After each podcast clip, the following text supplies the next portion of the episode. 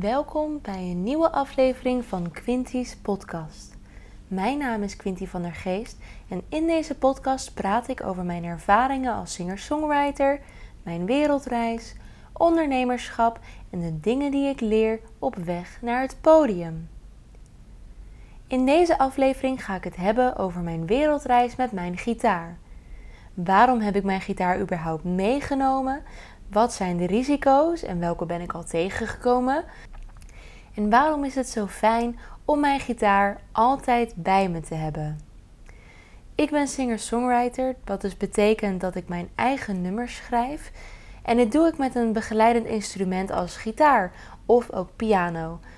Ik ben momenteel op wereldreis en voordat ik wegging was dus de vraag hoe mijn muziek en het schrijven van mijn nummers door zou kunnen gaan tijdens de reis. Want een piano bijvoorbeeld is sowieso heel onpraktisch om mee te nemen. Maar eigenlijk was mijn gitaar in precies dezelfde situatie. Want een normaal formaat gitaar is best wel aan de grote kant. Nu had ik hier ook een koffer voor, dus ik zou hem mee kunnen nemen en in kunnen checken, zodat hij mee kon op reis. Maar om het gewoon even zo te zeggen, het was een heel onhandig ding. Of nou ja, is een heel onhandig ding, want ik heb hem uiteraard niet weggedaan. Maar het was wel een belangrijk vraagstuk, want muziek is voor mij heel belangrijk en ik wilde tijdens de reis gewoon doorgaan met waar ik mee bezig was. Mijn gitaar was toe aan een onderhoudsbeurt en we gingen naar de muziekwinkel in Rotterdam waar ik hem ook gekocht had om de snaren te laten vervangen en het stof weg te halen. En gewoon weer dat hij er weer even tegenaan kon. En toen zag ik bij de gitarenafdeling een gitaar hangen. En ten eerste is die echt super mooi. Heel mooi hout, heel mooi afgewerkt. Ook met een plug-in voor een versterker. Maar ook van een heel mooi formaat. Een hele mooie, compacte gitaar. En toen ze dus bezig waren met mijn gitaar en de snaren vervangen, vertelden wij over de wereldreis en zo en over wat onze plannen waren. En toen legde hij dus uit van nou, we hebben dus deze gitaar hangen en die is ideaal voor reizen vanwege het formaat. En dat was dus ook de gitaar die ik had zien hangen. Dus als je in zo'n winkel bent, dan test je de gitaar altijd even uit om te kijken of het bij je past, of je de klank mooi vindt, of het lekker zit in je schoot. En deze punten klopten allemaal en het voelde voor mij heel goed. Dus eigenlijk was ik best wel snel verkocht. Maar er hing nog wel een prijskaartje aan deze gitaar. Dus we hebben hem gereserveerd en konden hem binnen twee weken ophalen als we besloten hem te kopen. Totdat we eigenlijk wel tot de conclusie kwamen dat dit een hele mooie oplossing of eigenlijk investering zou zijn voor de wereldreis. Want als je het op lange termijn bekijkt, ook tijdens de reis, die grote gitaar die is heel onhandig en past eigenlijk bijna niet in een achterbak van een auto. Moet je altijd inchecken, waardoor je dus altijd extra kosten kwijt bent als je gaat vliegen.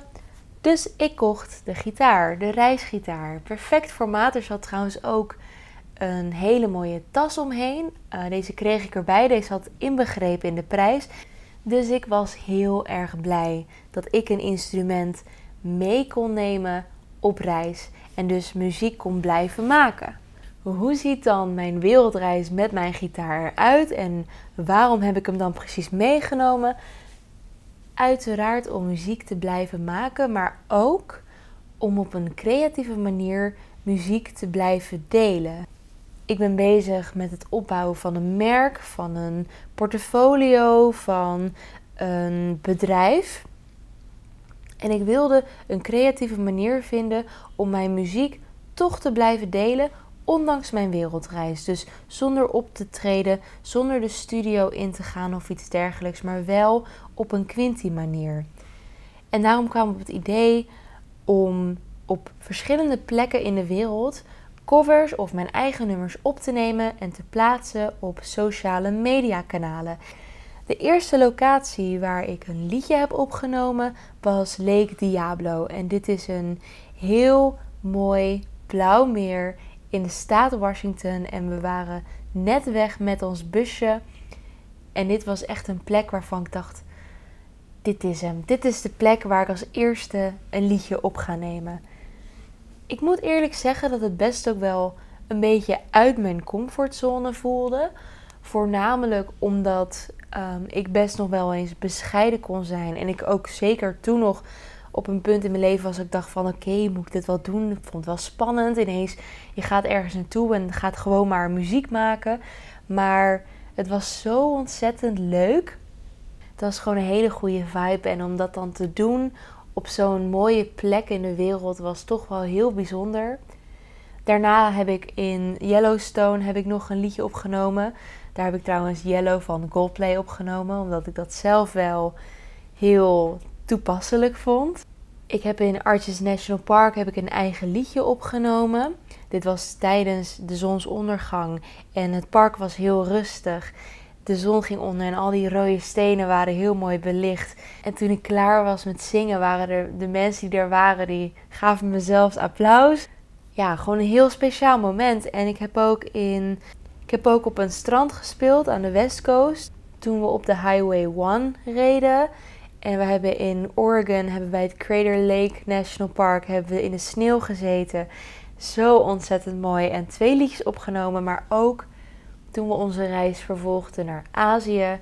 Ik heb in Thailand heb ik twee liedjes nu opgenomen. Ik heb in Maleisië heb ik liedjes opgenomen.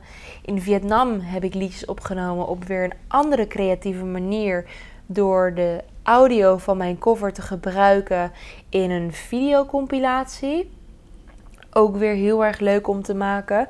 En nu in Bali heb ik ook weer een liedje opgenomen. En zo ben ik eigenlijk bezig door mezelf constant te ontwikkelen tijdens de reis in mijn muziek, maar ook in het bouwen van mijn merk en van mijn brand. En ondanks dat het een super gaaf avontuur is en ik het super tof vind dat ik mijn gitaar mee kan nemen tijdens de reis, zijn er ook een paar momenten al geweest waarin ik niet per se spijt had, maar waardoor mijn gitaar een belemmering was. Dit kwam aan de orde toen wij vlogen van Da Nang naar Ho Chi Minh in Vietnam. Toen vlogen wij met een airline die het niet toeliet om mijn gitaar mee te nemen als handbagage. Airlines kunnen alsnog een eigen policy hebben en daar had ik zelf eigenlijk geen rekening mee gehouden, omdat ik er wel vanuit was gegaan dat het altijd mogelijk zou zijn, omdat ik hem daarvoor gekocht had. Maar goed, ik moest mijn gitaar dus inchecken. Uh, dit kon wel gratis overigens, omdat we zelf ook niet wisten en dat begrepen ze. Dus ik kon mijn gitaar gratis inchecken, maar dit betekende dat ik hem af moest staan. En als er iets is wat ik wilde voorkomen, koste wat het kost, was het wel schade of diefstal aan mijn instrument. En waar loop je de grootste risico met schade en diefstal? Het vliegveld. ik was niet heel blij, maar het ging ook heel snel voor mij aan de balie. Dus op een gegeven moment moest ik hem maar gewoon afgeven. Het voelde niet heel goed, maar op een gegeven moment kon ik er ook niet zoveel meer mee. Dus moest ik het loslaten. En heb ik daarna toen wij landden in Ho Chi Minh ervoor gezorgd dat ik als eerste bij die band stond van de koffers en ook bij de kant waar de koffers erop kwamen, zodat ik ook de eerste zou zijn die die gitaar zou pakken. Dat is allemaal goed afgelopen, godzijdank. Maar we zouden ook weer met dezelfde airline naar Bali vliegen. Dus ik wilde wel even nog nachecken op de website wat dan precies de policy is. En dat had ik gedaan. En het, was, het zit dus zo dat deze airline die heeft als policy dat als jij een instrument meeneemt die oversized is, dat je hem dan of incheckt of je boekt een extra stoel in het voertuig, waardoor je hem dus naast je neer kan zetten in het vliegtuig. En toch, toen wij naar Bali vlogen, wilde ik de discussie aangaan, of niet per se de discussie aangaan, maar het gesprek aangaan omtrent mijn gitaar omdat ik er ook wel van overtuigd was dat als ik gewoon goed uit kon leggen aan de stewardess, ze me zou begrijpen en niet per se een uitzondering zou maken, maar zou begrijpen dat het gewoon een handbagage is. Helaas moest de stewardess zich aan de policy houden van de airline en kon ik dus kiezen om een extra stoel te boeken of mijn gitaar in te checken. Ehm, dus ik vroeg wat het dus kost om een extra stoel bij te boeken, zodat ik mijn gitaar gewoon mee kon nemen aan boord. In eerste instantie was dit 13 euro. Maar toen kreeg ik ineens te horen dat het toch 290 euro zou zijn. Dat vond ik wel een beetje te gek. Uiteindelijk heb ik mijn gitaar dus toch ingecheckt. Ik heb hem nog wel even laten wrappen op het vliegveld, gewoon ter extra bescherming. En ik heb er ook zo'n sticker op, laten plakken met uh, breekbaar. Met eigenlijk mijn fingers crossed dat het gewoon allemaal goed zou gaan. En daarna heb ik het ook weer losgelaten. Ik had wel zoiets van, nou ja, ik kan er nu niks meer mee. Ik moet nu gewoon dat vliegtuig in en naar Bali toe. En dan kan ik daar weer verder anticiperen, mocht er wat fout gaan. Maar toen we op Bali waren, lag mijn gitaar gewoon midden in de terminal bij een hoopje andere koffers, zo voor het grijpen. En daar was ik dan weer niet heel erg blij mee. Nu had ik dan wel gewoon het geluk dat wij gewoon die gitaar als eerste zagen en gewoon mee konden nemen. Maar in principe had iemand gewoon die gitaar kunnen pakken en zo mee kunnen nemen zonder enige beveiliging of toezicht. Ondanks dat ik die gitaar heb gekocht zodat hij mee kan als handbagage, heb ik wel de les geleerd dat ik me voortaan altijd voorbereid op de policy van een airline voordat ik ticketen boek. Dus wat is dan, wat zijn hun regels omtrent muziekinstrumenten? Want er zijn dus airlines die het alsnog niet toelaten. En het ging mij er meer om dat ik niet meer voor verrassingen zou komen te staan bij de balie op het vliegveld. Want als er iets is wat je niet wil, is dat het wel. Omdat je vaak ook in de ochtend vliegt of slecht geslapen hebt vanwege de zenuwen en je dan toch iets minder scherp bent en daardoor juist weer niet zo makkelijk kan schakelen.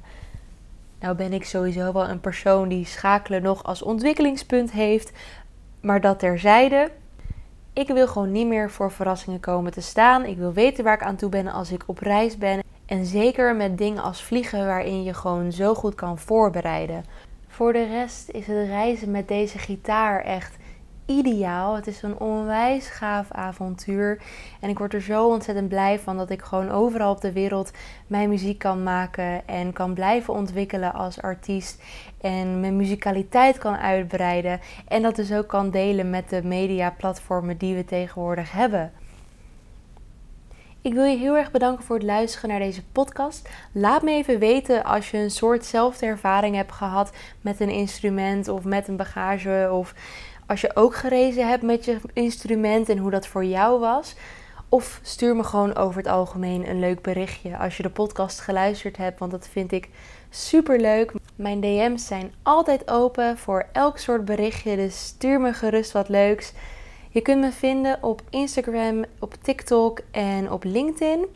Uh, je kan me op Instagram en TikTok vinden onder @quintyofficial en op LinkedIn kun je gewoon Quinty van der Geest intypen en dan vind je me vanzelf. Uiteraard ook op mijn website staan mijn contactgegevens uh, www.quintyofficial.com. Heel erg bedankt voor het luisteren en tot de volgende!